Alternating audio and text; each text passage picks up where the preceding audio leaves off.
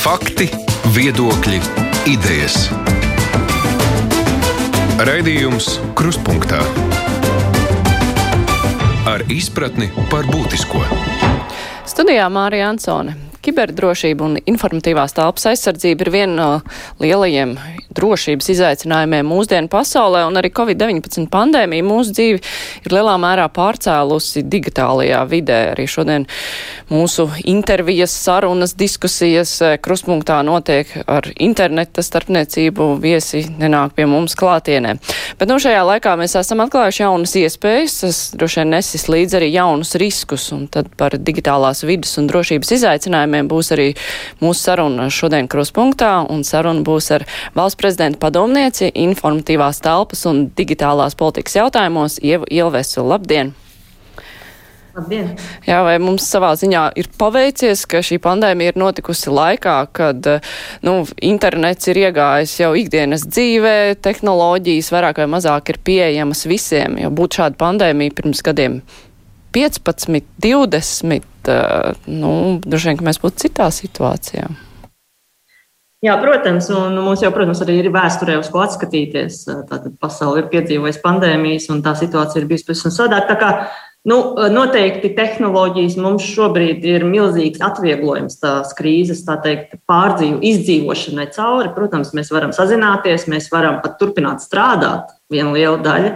Mēs varam mācīties, Un, protams, palikt komunikācijā ar saviem tuvajiem. Tā kā tādas nu, diezgan daudz kritiskas mūsu dzīves sadaļas ir nodrošināts. Tomēr arī pirms pandēmijas nu, ir notikusi tāda liela uh, dzīves pārnese uz digitālo vidi. Tajā skaitā arī mēs. Uh, pārējām ar vien vairāk un vairāk uz virtuālu naudu. Nu, kartē nauda tā nav taustāma.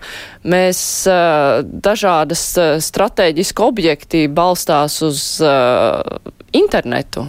Un uh, daudzas darba vietas uh, balstās uz internetu, uz uh, dažādām digitālām datu bāzēm.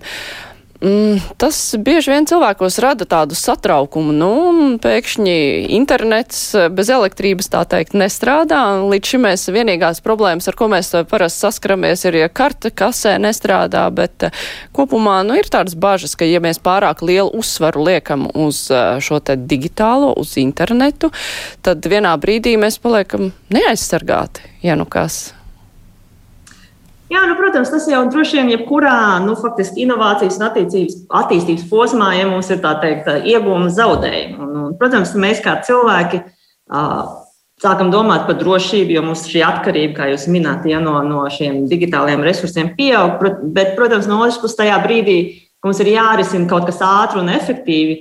Mēs gribot, negribot, izdarām to izvēli par to, kā mēs ātrāk varam, teiksim, vai nu pārskaitīt to naudu, vai nopirkt kādu lietu, vai samaksāt maksājumu, vai sazināties. Un, un diemžēl tas, nu, tas, tie svara kausi ir starp ērtību, ātrumu un, un drošību. Un, un es teiktu, ka tā nav pretruna. Bet es teiktu, ka tas ir jautājums, kas nu, līdz šim joprojām nav ļoti sistemātiski risināts no, abām, nu, no, no šiem abiem aspektiem. Ja? Ka, teiksim, tomēr primārais ir sabiedrībā kopumā un arī uzņēmēju vidē ir bijis teiksim, radīt šos jaunos inovatīvos produktus, kas padara klienta vai iedzīvotāja dzīvi ērtāku. Attiecīgi, biznesā, protams, tā ir peļņa. Un, un, protams, ka tikai nu, brīžos mēs mācāmies faktiski no tām kļūdām, ja šie drošības riski parādās, ka mūsu šie apdraudējumi, nu, ka mēs ar to saskaramies ikdienā. Tajā brīdī mēs sākam par to domāt. Līdz ar to man liekas, ka uh, nu, teiksim, tā atkarība mēs visi apzināmies. No otras puses, mēs, protams, vēlamies šo savu dzīvi padarīt vienkāršāku un ērtāku un nerisināt jautājumus, ja, kurus var automātiski digitalizēti sakārtot teiksim, internets ja mūsu vietā savā veidā. Viena lieta ir ja par nu, kaut kādiem pakalpojumiem un nu, kā garantēt šo pakalpojumu nepārtrauktību kaut kādos ārkārtas gadījumos. Nu, ja par to varbūt nepadomā uzņēmējs un tā kā notiek ārkārtas stāv, situācija kaut kāda, nu, tad viņš pēc tam risina. Bet vai par to nepadomā pietiekoši arī valsts? Nu, valsts domā par to, un, protams, ka mēs visi, faktiski šis ir tāds interesants periods, mēs mācāmies faktiski kopā, un tās tehnoloģijas jau iet iet uz priekšu. Tā kā nu, Latvijā mums jau ir otrā kiberdrošības stratēģija. Man ir bijis tas gods un prieks strādāt pie pašas pirmās, un atceros 2012. gadā, cik tas vēl bija savā ziņā nu, jauns temats. Nebija tādas rokas grāmatas vai, vai klasisko materiālu, kurus paņemt, palasīt un sastruktūrēt. Mēs visi mācījāmies kopā. Tā kā par to tiek domāts, vienkārši tā tendence joprojām ir akcentu likt uz šo inovāciju, ja? akcentu likt uz, uz radam jaunu produktu, radam jaunu pieeju, radam jaunus rīkus, bet tā drošība bieži vien nāk nedaudz vēlāk, jo, teiksim, godīgi drošība prasa ieguldījumus. Drošība tas nav tikai teiksim, mūsu visu izpratne, bet tās arī ir investīcijas. Tās ir investīcijas risinājumos, noteiktās tehnoloģijās, attiecīgi, kas nu, tas ir, ko mēs, vai tie ir pakalpojumi, vai tā ir infrastruktūra. Tas prasa ieguldīt Nevienmēr tas, ir, tas nozīmē, prasa ieguldīt, teiksim, kaut ko piepirkt, ja nosacīt, ka analogā dzīvē mēs nopirkt labākas slēdzenes, pielikt dārgākas ja, pie mūsu durvīm. Bieži vien tie procesi, tie cilvēki, tā tās ir cilvēku zināšanas, kā sakārtot virtuālā vidē procesus, pakalpojumus tā, lai viņi būtu uzticami. Un, un tas, protams, maksā investīcijas. Un, protams, ka nu, Vienmēr jau gribās radīt tos produktus un pakalpojumus ar, ar minimālām izmaksām un maksimālu iegūmu. Tas uh, klasiskais uh, stāsts, nu, kad mēs runājam par to, ka varētu atvieglot uh, ar internetu palīdzību dzīvi, tīri politiskā ziņā ir elektroniskā balsošana vēlēšanās.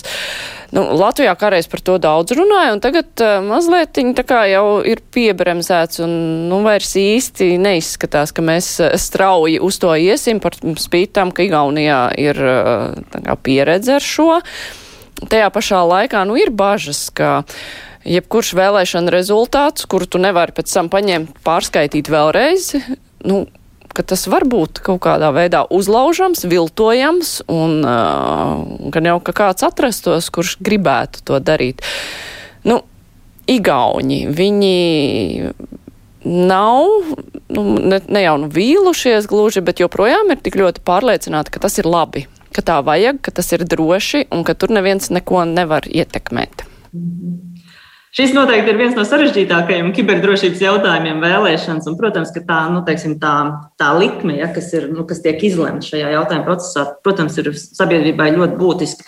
Tāpēc tā nu, ļoti vienkārši atbildēt ir grūti, bet runājot par Igauniem, ir tā, ka nu, Man ir bijusi iespēja, protams, dzīvojot ārpusē, arī ilgstoši ārpus Latvijas, tā skaitā manam vīram, ārpus Igaunijas un, un esot šajā, teiksim, Igauniju arī draugu lokā, mēs esam par to diskutējuši. Un, teiksim, tā, šeit arī šeit ir vairāk komponentu. Viens ir tas no šī cilvēka perspektīvas, un, un ļoti daudz Igauni ir teikuši, jā, mēs apzināmies, ka tur pastāv kaut kāds minimāls risks, ka teiksim, pie kaut kāda noteikta spēku un jaudas salikuma šo varētu būt teorētiski iespējams uzlauzt.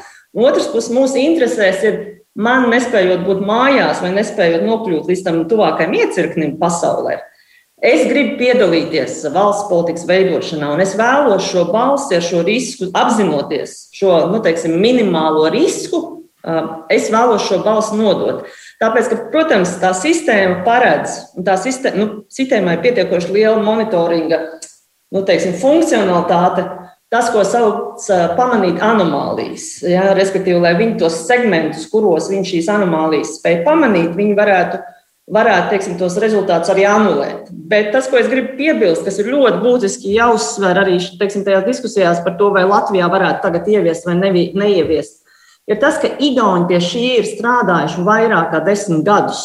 Un, teiksim, tas, ko viņi radījuši sākumā, nebūtu vairs nav tas, ko viņi izmanto šobrīd. Un faktiski tā domāšana tehnoloģijās visur, bet arī jo īpaši vēlēšanās, tāpēc ka tas risks un, un tā nozīme ir tik liela, ir, ka tu konstanti, ne tikai katru gadu, bet no dienas uz dienu šie cilvēki maina, uzlabo, pilnveido sistēmu, respektīvi tie apdraudējumi katru gadu mainās.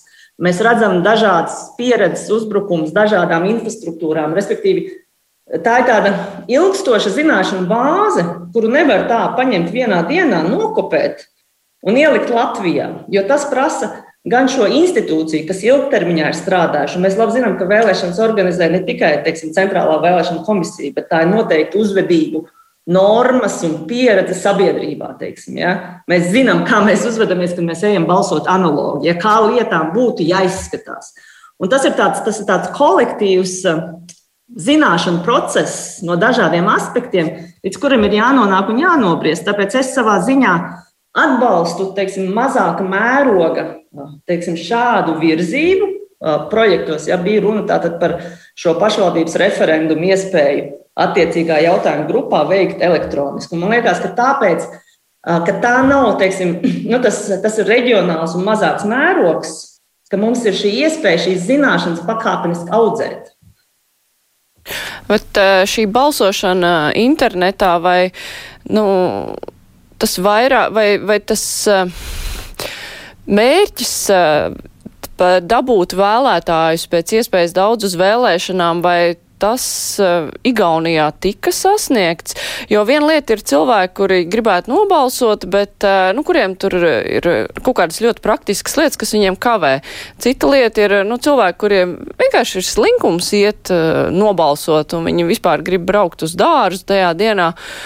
Un, uh, vai viņi ir dabūti uz tām vēlēšanām? Un otra lieta, vai cilvēki, kur īsti nav motivēti balsot, vispār ir jādabūna balsot? Nu, tikai tāpēc, ka nu, viņš tur sēž pie savu datoru ar kafijas tas un tad, eh, ņemšu un ka nobalsošu. Vai tā vispār ir pārdomāta izvēle taisiņā? Mm. Nē, tas noteikti arī ir plašāks jautājums. Es domāju, ka vēlēšanas jau mūsdienās vispār ir daudz plašāks jautājums par to, kā mēs nonākam pie tā, ko mēs izvēlamies politikā. Ja tās šobrīd vairs nav klasiskie mēdīji, ja teiksim, tas viss informatīvi šeit, šeit nāk klāt arī vēlēšana procesā ļoti lielā mērā informatīvā telpa. Es tagad no galvas vienkārši pēdējā laikā nav sen bijušas vēlēšanas, nepateikšu statistiku. Bet es atceros no iepriekšējiem gadiem, cik sanāca paskatīties, bija tā, ka tas kritums bija mazāks. Respektīvi, es neteiktu, ka tas, ka Igaunijā var balsot elektroniski, bija nu, tāds milzīgs uzrāviens. Ja? Bet tas, ka viņiem neslīdēja zem tiem, man liekas, viņi bija tuvu 60%, ja, kur mēs jau gājām zem 50%. Un, man liekas, Eiropas, vēlēš, Eiropas parlamenta vēlēšanās tas, tas teiksim, cipari bija vēl tālāk uz leju. Ka, teiksim, tas tas atbirums ir mazāks, ja, teiksim, vai, vai, vai tā ērtība. Bet nu, no otras puses, teiksim, man liekas, ka tas arī tas pats jūsu minētais piemērs par dārzu, ka mums gribās nedēļas nogalē aizbraukt uz dārzu. Nu, teiksim, tas, ka tu vari tomēr to apvienot, un ja tev draugs piezvan un atgādina, hei, bet šodien tas bija vēlēšanas, vai ne? Un tā, ah, nu labi, jā, bet tad tu vari arī, un tas jau pierādās, ka Igaunijā ļoti daudzi no tiem, kas balso elektroniski, faktiski var jau fiziski aiziet arī nobalsot iecirknī, ja, bet nu, viņi cilvēki izvēlās ērtību, tā skaitā tehnoloģiju cilvēki.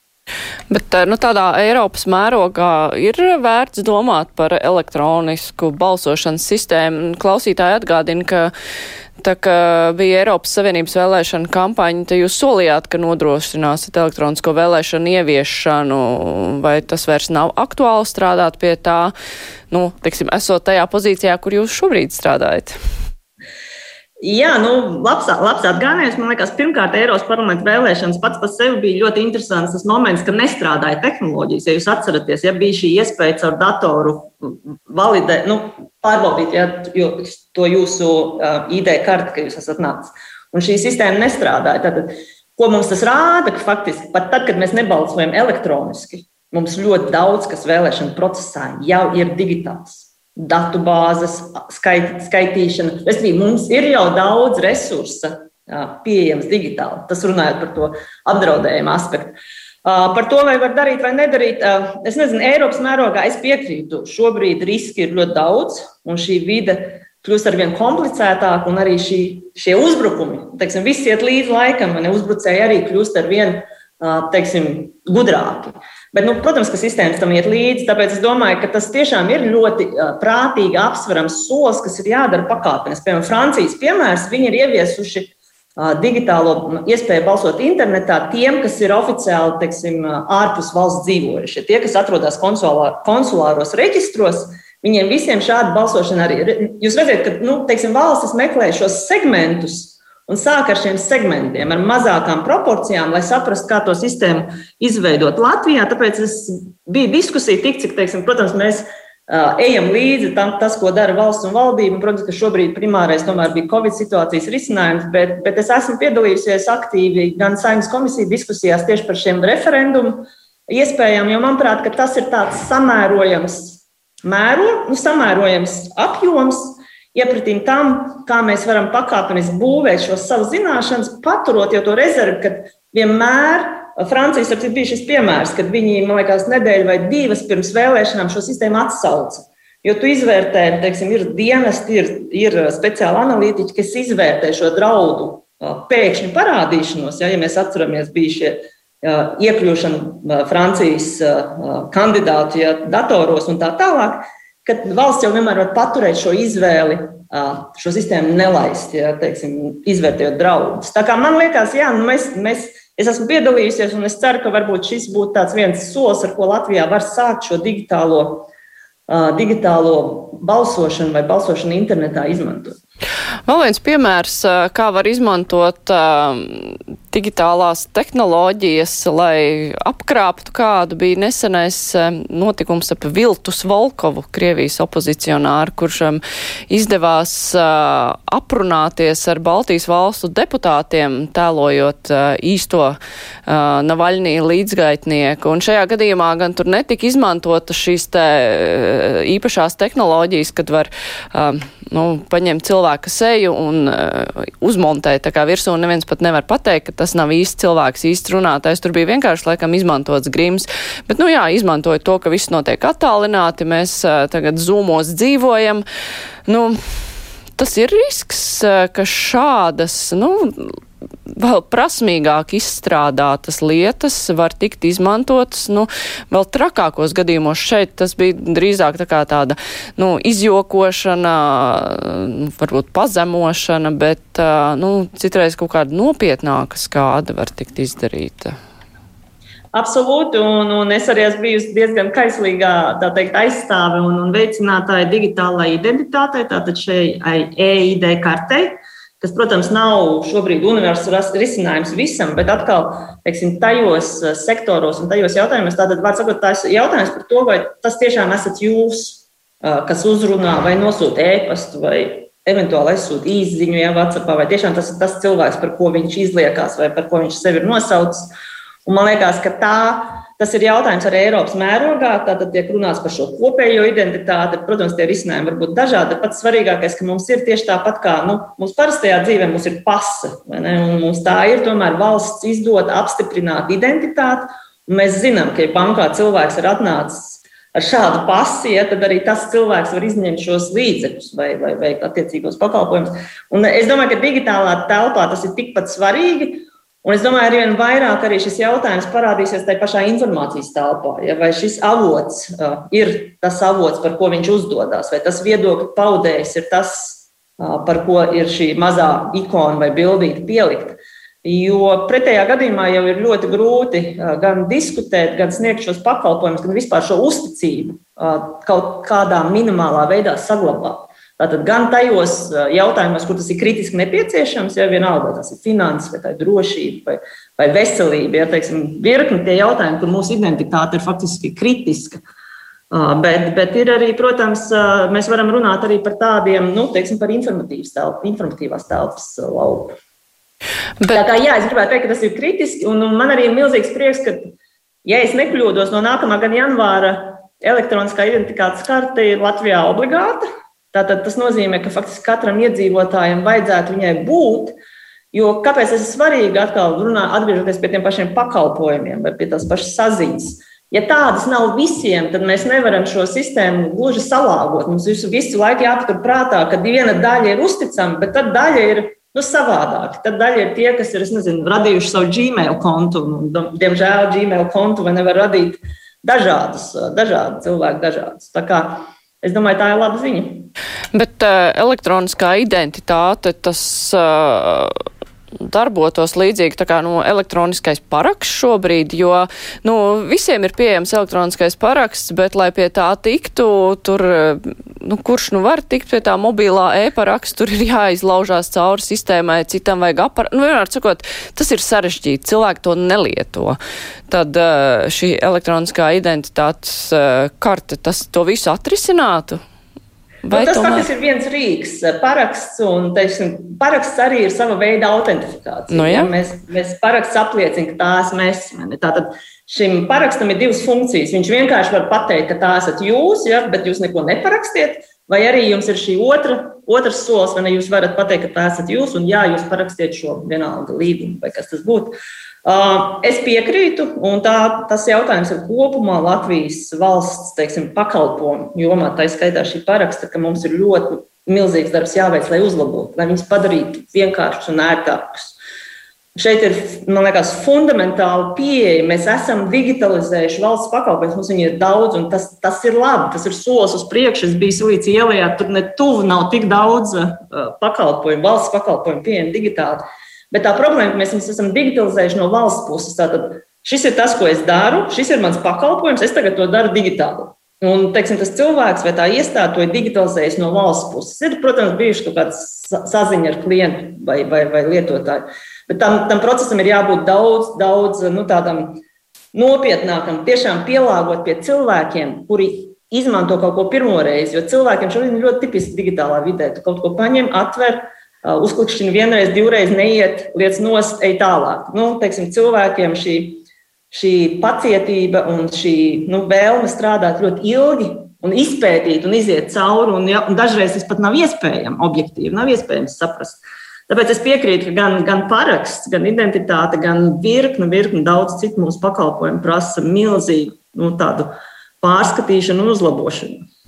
Tagad pandēmijas laikā ļoti daudz iestādes nestrādā un dokumentus nevar vairs aiznest, kopētus kaut kādus un parakstītus, bet tie ir jāiesniedz ar elektronisko parakstu. Un mums ir, nu man uz brīvo mikrofonu ir zvanīja zvanī sieviete, kur teica, man ir jāiesniedz papīri un ņemu tikai pretī ar elektronisko parakstu. Es nezinu, ko darīt, un es es nezināju, ko viņai ieteikt, jo es, lai viņa iegūtu šo elektronisko parakstu, viņai jābūt internetam, vietālu runai, viņai ir jābūt pilnam komplektam, kas varbūt viņai nav. Un es domāju, ka ir diezgan daudz tādu cilvēku, kuri tomēr ir uz jūs ar tehnoloģijām, vai pārāk digitalizējot visu šie cilvēki netiek iedzīti stūrī. Absolūti, un es piekrītu, un es domāju, grūti spriest, kas ir bijis par konkrēto situāciju, bet es piekrītu, ka tā nevajadzētu būt. Man, ja, man, ja es nekļūdos, un būtu interesanti zināt, vai tiešām ir tāds pakalpojums, bet principā tam, tam noteikumam valsts pusē ir jābūt, ka jā, iespējams sarežģītākā ceļā, bet ir jānodrošina jebkuram, jebkura, jebkurš pakalpojums ir jānodrošina arī bez šī digitālā, bez šī digitālā paraksta. Un, un man pašai tā teikt ir arī mamma, ja, kas nelieto elektronisko parakstu. Līdz ar to es domāju, ka nevis es domāju, es esmu pilnīgi pārliecīga, vai nu tur ir vienkārši atkal ļoti slikta komunikācijas kļūda, nav pieejama kvalitatīva informācija par to, kā izdarīt vienu vai otru elektronisko pakalpojumu. Ja tev kaut kas nav vai, vai kaut kas nav saprotams, es teikšu, godīgi, es esmu pats saskārusies ar šādu jautājumu, saskāros ar tādu vēl vakar. Par to arī uzdevu jautājumu Twitterī, diemžēl diezgan tipiska vieta, kur pajautāt, ja, ko darīt, ja neiet sistēma. Un man bija precīzi šāda situācija, ka es mēģināju mammai palīdzēt. Ja, kā, es domāju, komunikācija tādā ziņā, ka tā viena tēze, ko mēs ar prezidentu arī diskutējam par šo digitālo politiku un prioritātēm, man liekas, tā, tā maiņas, pieejas maiņa ir arī tajā, ka agrāk šie pakalpojumi, nu, mums bija kaut kāds teiksim, jautājums, mēs zinājām, mums ir jāiet uz, uz, uz ieņēmuma dienas, vai mums ir jāiet uz muitu, vai mums ir jāiet. Mēs zinājām, mēs gājām pa šīm iestādēm jau un risinājām tos savus jautājumus attiecīgi.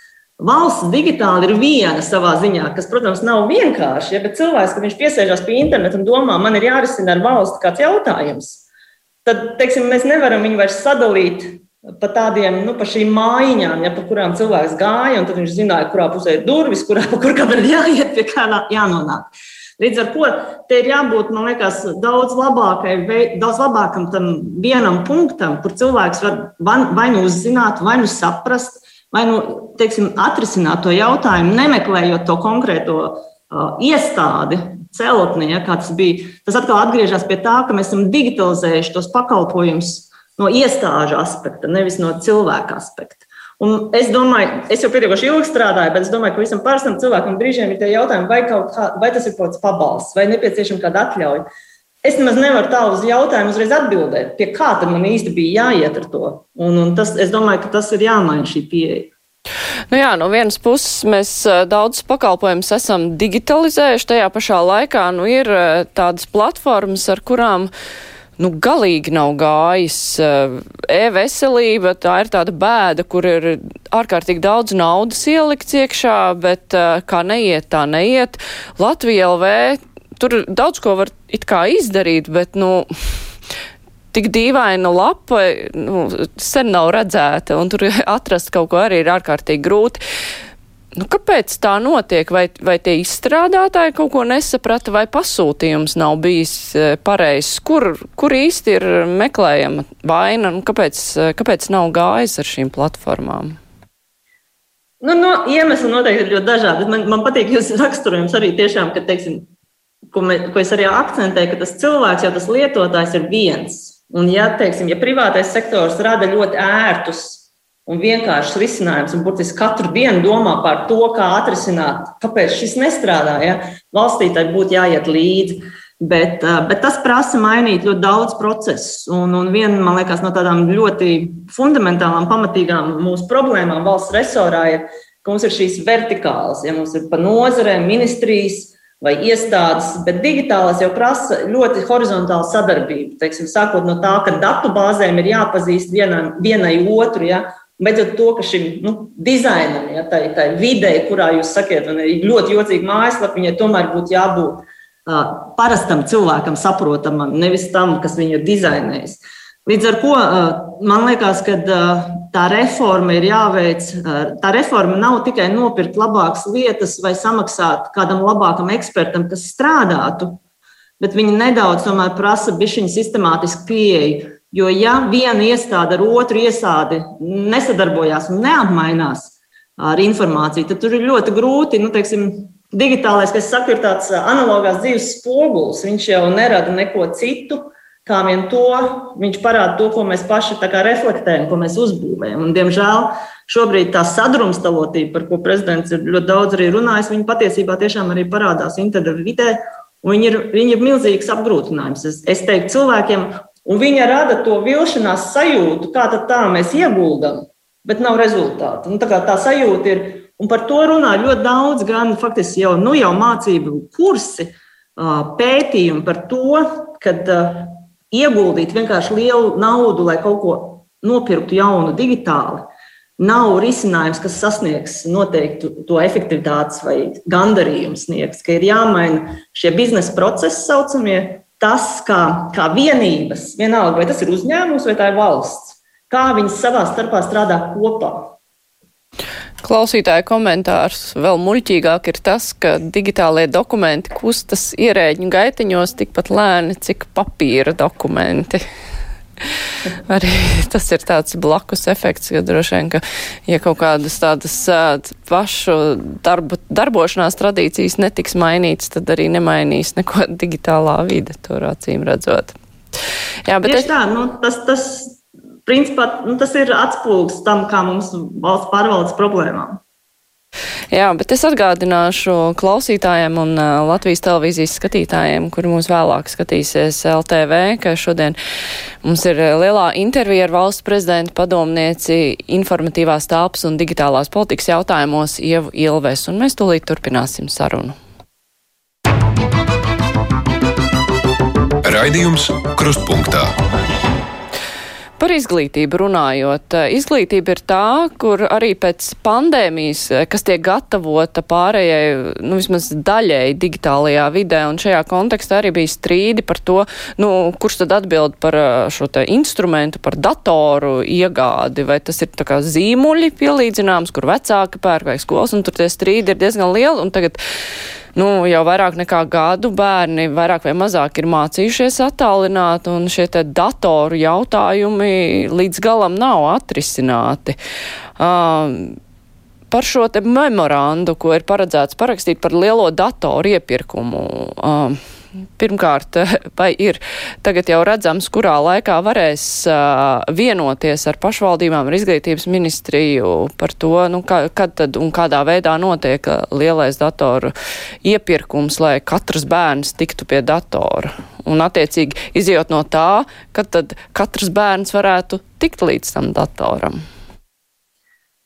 Jā, nu, principā man gribētos nedaudz pamainīt to akcentu. Pirmkārt, tā, tā doma, šī idejas, šī idejas doma ir, ka tas ir ilgtermiņa, faktiski ilgtermiņa risinājums. Un ilgtermiņa risinājums nozīmē, ka mums nav viens liels iepirkums, bet ka mēs ejam pa posmiem Un mēs nonākam līdz tam, ka tiešām katram bērnam ir e, šis dators. Un, un tas uzsvers tiešām, ka katram bērnam ir šis dators kā individuāls ierīce, vienalga, vai mēs viņu saucam par grāmatu vai piezīmju blociņu, jo viņā var darīt abus vienlaicīgi, ja tā teiksim, vēl, vēl miljonus citu lietu. Ka viņas ir tādas, kur bērns var strādāt kā mājās, tā skolā. Ja, teiksim. Tas pats princips, kā mēs aizējam rudenī, vismaz agrāk gājām manā, manā izglītības laikā. 1. septembrī paņēmām, man bija tāda 5. klases smaga matemātikas grāmata. Ja. Nesām viņu uz māju, uz gadu mums viņa bija. Ja skolotāja lika, tad ņēmām arī līdzi uz skolu, ja neturējām mājās. Un, un teiksim, princips tas pats, tā doma ir arī, un tas arī, man liekas, ar grāmatām ir relevants tādā ziņā, ka nu, ir jau tie bērni, kam ir savi datori, un viņi nāks tiešām ar saviem Ne tāpēc, ka, teiksim, ja Kabels kaut ko dos par brīvu, kāpēc gan nepaņemt otru, bet tāpēc, ka vienkārši, nu, es domāju, ka mēs visi saprotam, nu, divas laptopus vai divas dators nesāt ir nu, neparocīgi grūti. Piemēram, man pusaudzes bērns nekad negribētu divus dators, jo viņam vienkārši ir viens un savs, un viņš tajā dara nu, visu kopā. Bet tas, tas, tas princips ir tiešām nonākt pie tā, ka ir visiem. Es domāju, ka te detaļas nav izstrādātas, un te nav viedokļa atšķirība par to, ka šis ir vajadzīgs. Te varbūt vairāk ir tāda šobrīd saskaņošana, kurš ko dara, nevis par to pašu mērķi un ideju kopumā. Bet tas, ka teiksim, tā pieeja varētu, tā pieeja būtu jāizstrādā tādā ziņā, ka ir jāsaprot, ar kuriem ir jāsāk pēc iespējas ātrāk, gan no tā, kas ir saturiski svarīgs, gan no tā, ka mēs nevaram šo digitālo plaisu atļauties. Un šī digitālā plaisa, tātad bērni, kuriem nav nekādas iespējas mācīties, iepratīm tiem bērniem, kam varbūt tā nodrošinātība ir laba, Tas, tas, ko tās tehnoloģijas mums rada, šo milzīgo pātrinājumu, ja, ko mēs varam dzīvē sasniegt ar tehnoloģijām, viņš faktiski rada arī to milzīgo palēninājumu. Respektīvi, tiem, kam nav, viņi atkrīt nu, daudz, daudz straujāk atpaliek no pārējiem. Man liekas, šeit būtu jāsamērogo tās prioritātes, bet tas nemaina to, ka nu, manā izpratnē tas būtu divi, maksimums trīs gadi, kad mēs varētu aiziet no tā, ka tiešām ir katram pieņemot kad nu, neliela daļa nāks ar, ar savu ierīci. Jā, jūs varētu arī izskaidrot, ar ko šis iepirkums varētu atšķirties no parastiem iepirkumiem, respektīvi, ka nevis uh, tur katra pilsēta vai izglītības ministrija iegādājas kaut kāda noteikta ražotāja dators, kā šis iepirkums notiks.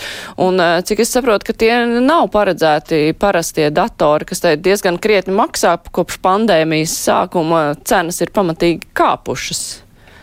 Tad atkal vairāk ir tāda e, kritiska aspekta. Viens moments ir, kad faktiski pasaulē ir šī prakse. Es neteiktu, ka visi pilnīgi visi viņu izmanto, bet viņi arvien vairāk valsts pārņem. Tātad ir šīs lielās kompānijas, šobrīd tādas ir divas, Microsoft un Google, kuras tirgo datorus vai arī planšetes, nu, dažādi, dažādi modeļi, šie, šīs ierīces, un viņas saucās izglītībai domātās ierīces.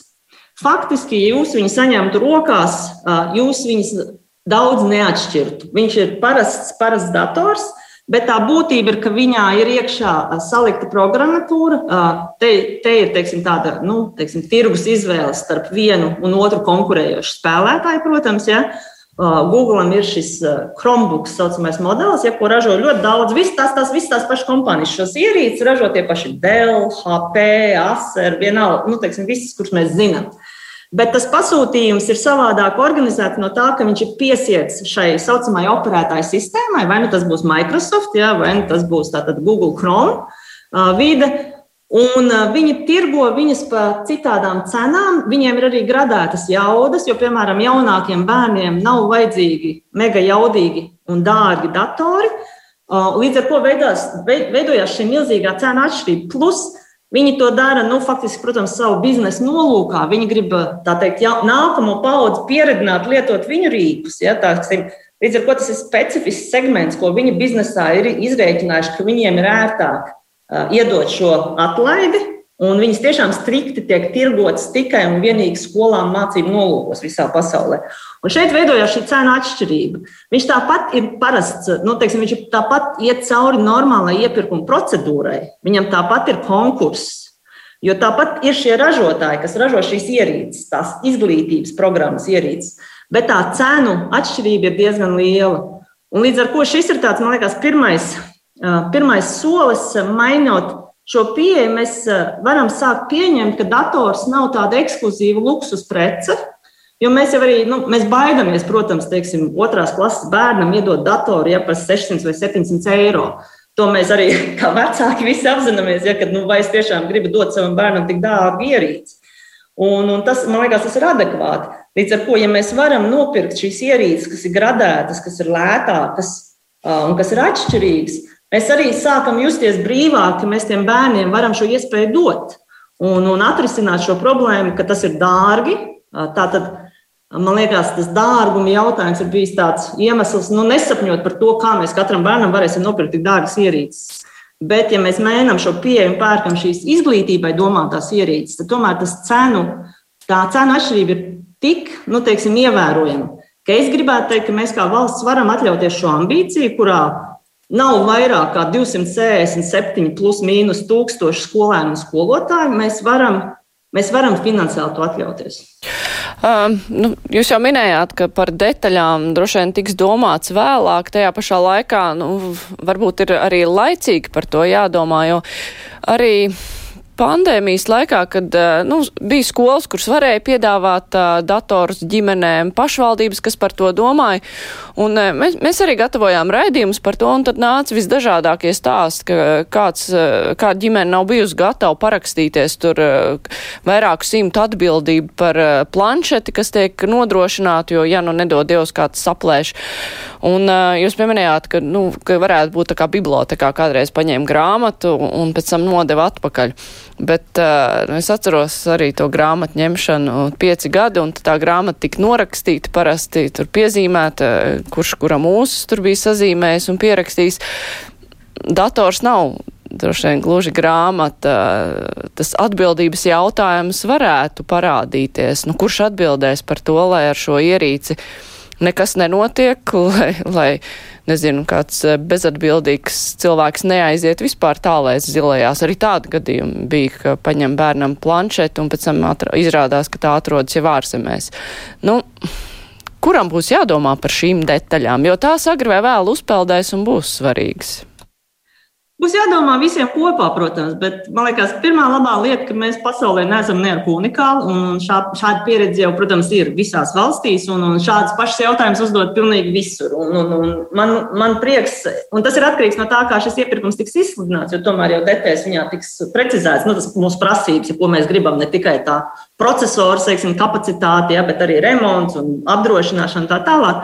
Un šīs kompānijas patiesībā diezgan, diezgan fleksibli pie, pielāgojās teiksim, ar tādu, manuprāt, saprātīgu cenas, varbūt tur pielikumi, ja, pāris, es nezinu, vai tie ir eiro vai, vai, vai teiksim, aptuveni. Bet, respektīvi, ka ir šī iespēja, viņu principā tas pieeja ir, ka nu, trīs gadi ir šis minimālais cikls, ko šis dators ko dators ar bērnu, kurš strādā kā bērns, nevis pieaugušais, ja, kurš izdzīvo. Un faktiski šādējādi, ja mēs sadalām to mūsu visu nosacītu lauku, kuriem vajadzētu pat tādiem trim posmiem, tad mēs faktiski ies, iestrādājam šādu ciklu, ka katru, katru trešdaļu mēs mainām ik pa trim gadiem. Respektīvi, mēs katru gadu atjaunojam vienu trešdaļu no tās nosacīta visa datoru parka valstī. Ja?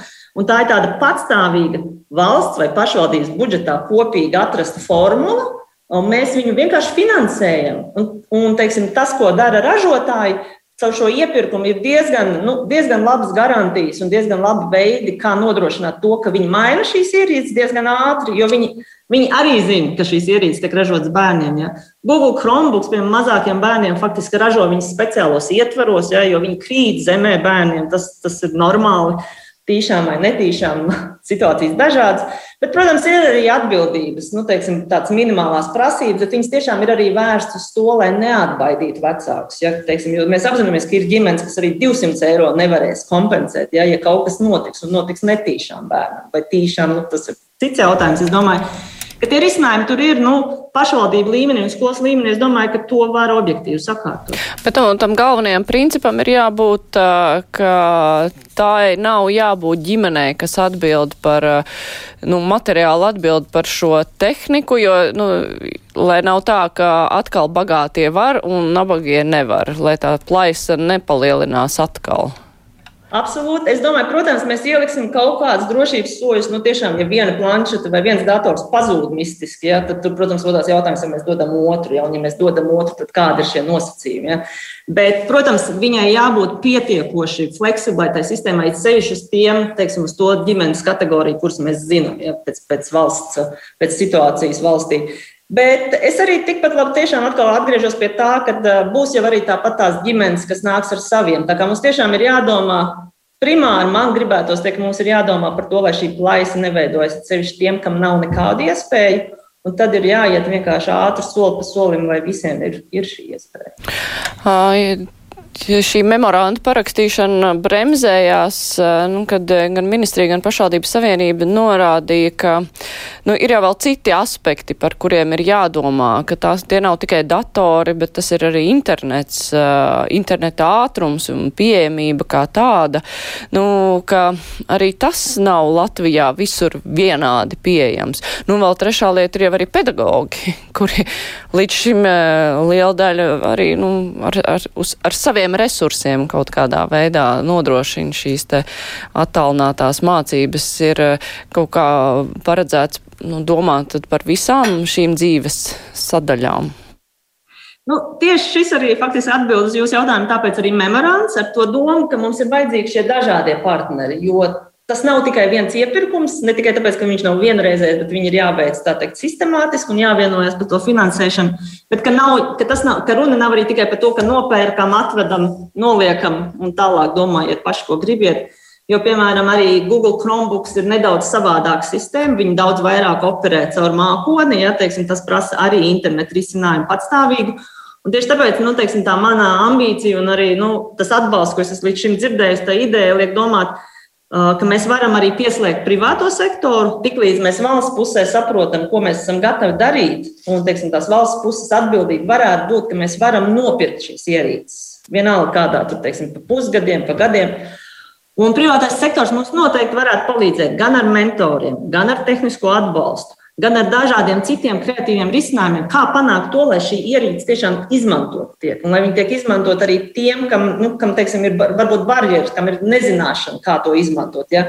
Cilvēki ļoti maz, teiksim, varētu būt lauku rajonos, kam nav bijusi saskarsme ar šādu veidu ierīcēm. Ja? Un, un es domāju, ka te Te kā reiz ir šī sinerģijas un sadarbības potenciāls, un, un man liekas, ka vismaz tik, cik es esmu runājis arī ar privātā sektora pārstāvjiem, nu, mums visiem ir bērni. Mēs arī redzam, skolās, mēs redzam, ka ir ģimenes, kurām iespējas ir labākas un sliktākas. Un man liekas, ka mums kopumā gribās, lai tie bērni aug tajā vidē ar tiem saviem klases biedriem, kuriem visiem ir šīs iespējas. Tāpēc man, man, nav, man nav šaubu, ka to var izdarīt labi. Man, nav, man ir pārliecība, ka, ir, ka būs arī milzīgs atbalsts no privātā sektora, kas ir gatavi kā reizi mēs nevis privātam sektoram sakam, atnesiet mums mantas vai atnesiet mums, uzdāviniet valstī, ja palīdziet, bet gluži otrādi nāciet mums palīdzīgā ar savām zināšanām, ar savu cilvēku resursu un palīdziet mums to projektu aiznest līdz Latvijas cilvēkam, teiksim, nu, lai viņi varētu produktīvi viņu izmantot.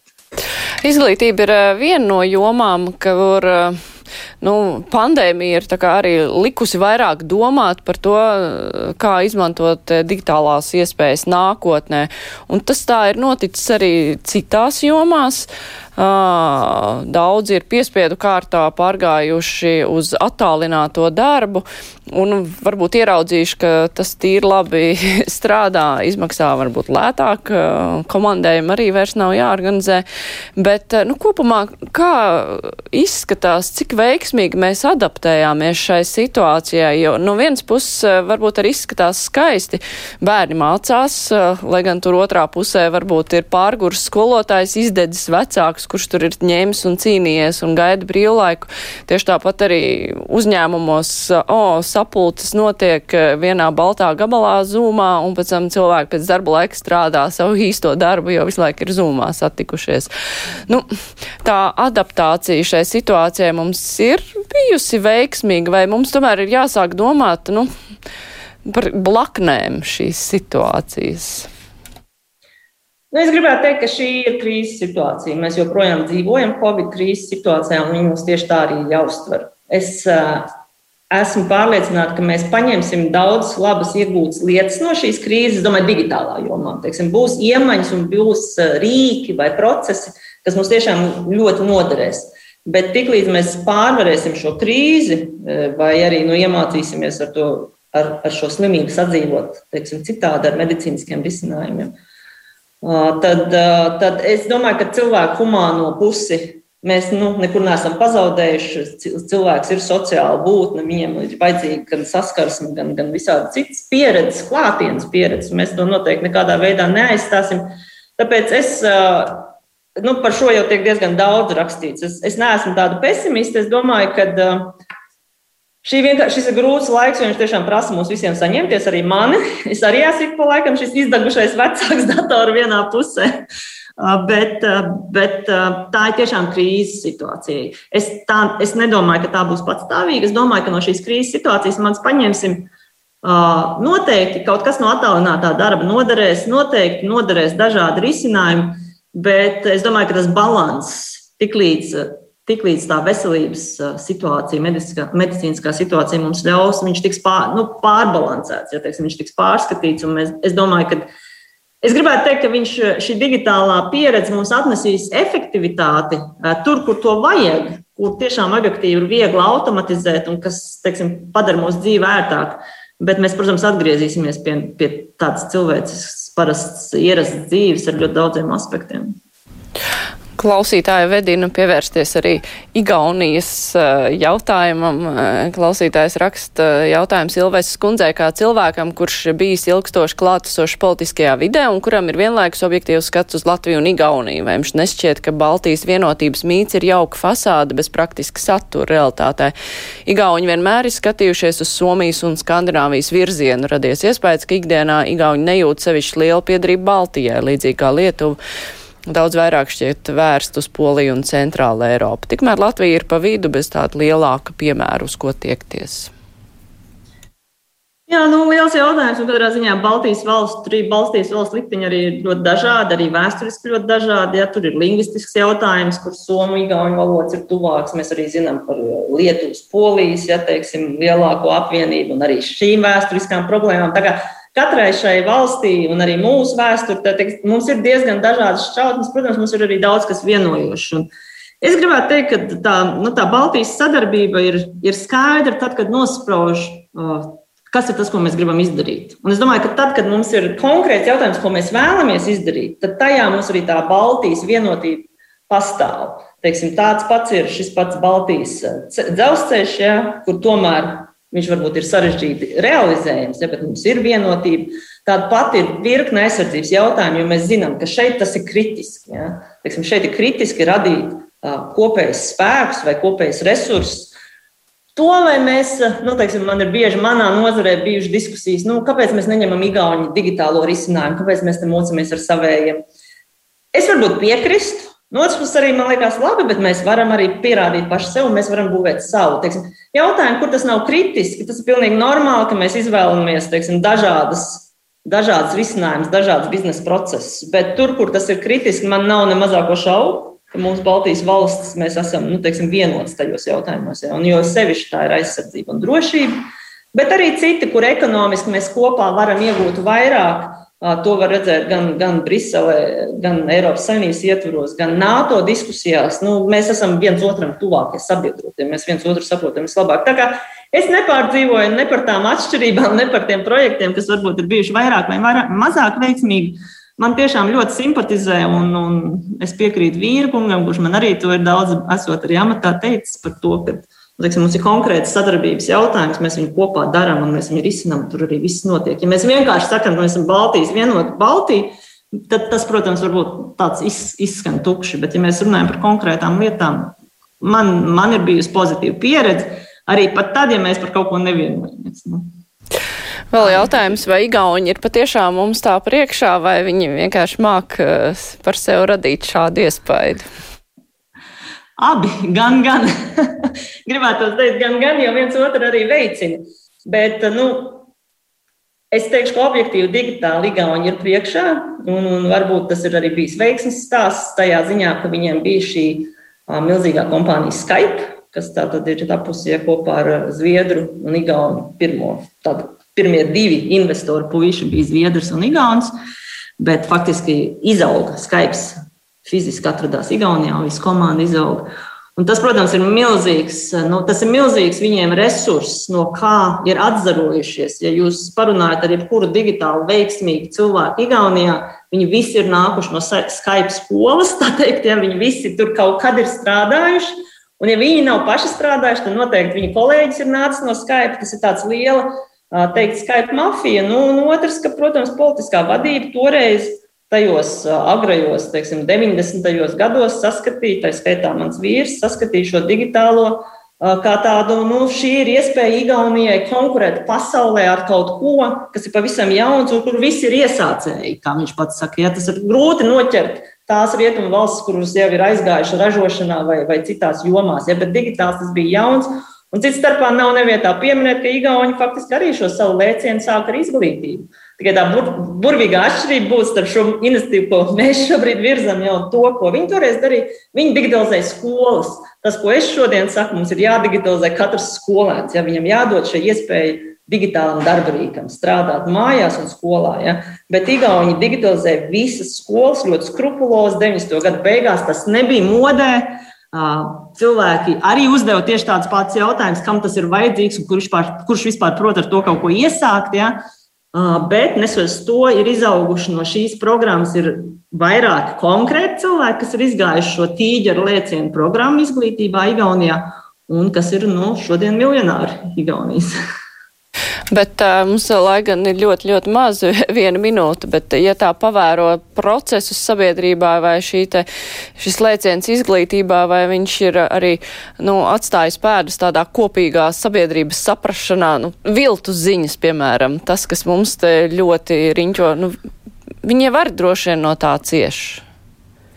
Jā, nu, es domāju, ka bišķiņ, tā ir atšķirība. Ja viens ir radīt tehnoloģijas un digitalizēt valsti un digitalizēt pakalpojumus vai produktus radīt, un otrs šī informācijas telpa. Un tur es, es jums pilnīgi piekrītu, Igaunijas telpā ir tieši tādas pašas problēmas, specifiski ar viņu jautājumiem un teiksim, jautājumi, kas tiek izspēlēti. Jūs labi zinat arī ar iepriekšējo valdību. Ja? Teiksim, tur bija daudz sensitīvu elementu, kurus ļoti viegli ir uzkurināt naidu ja? caur informācijas telpu.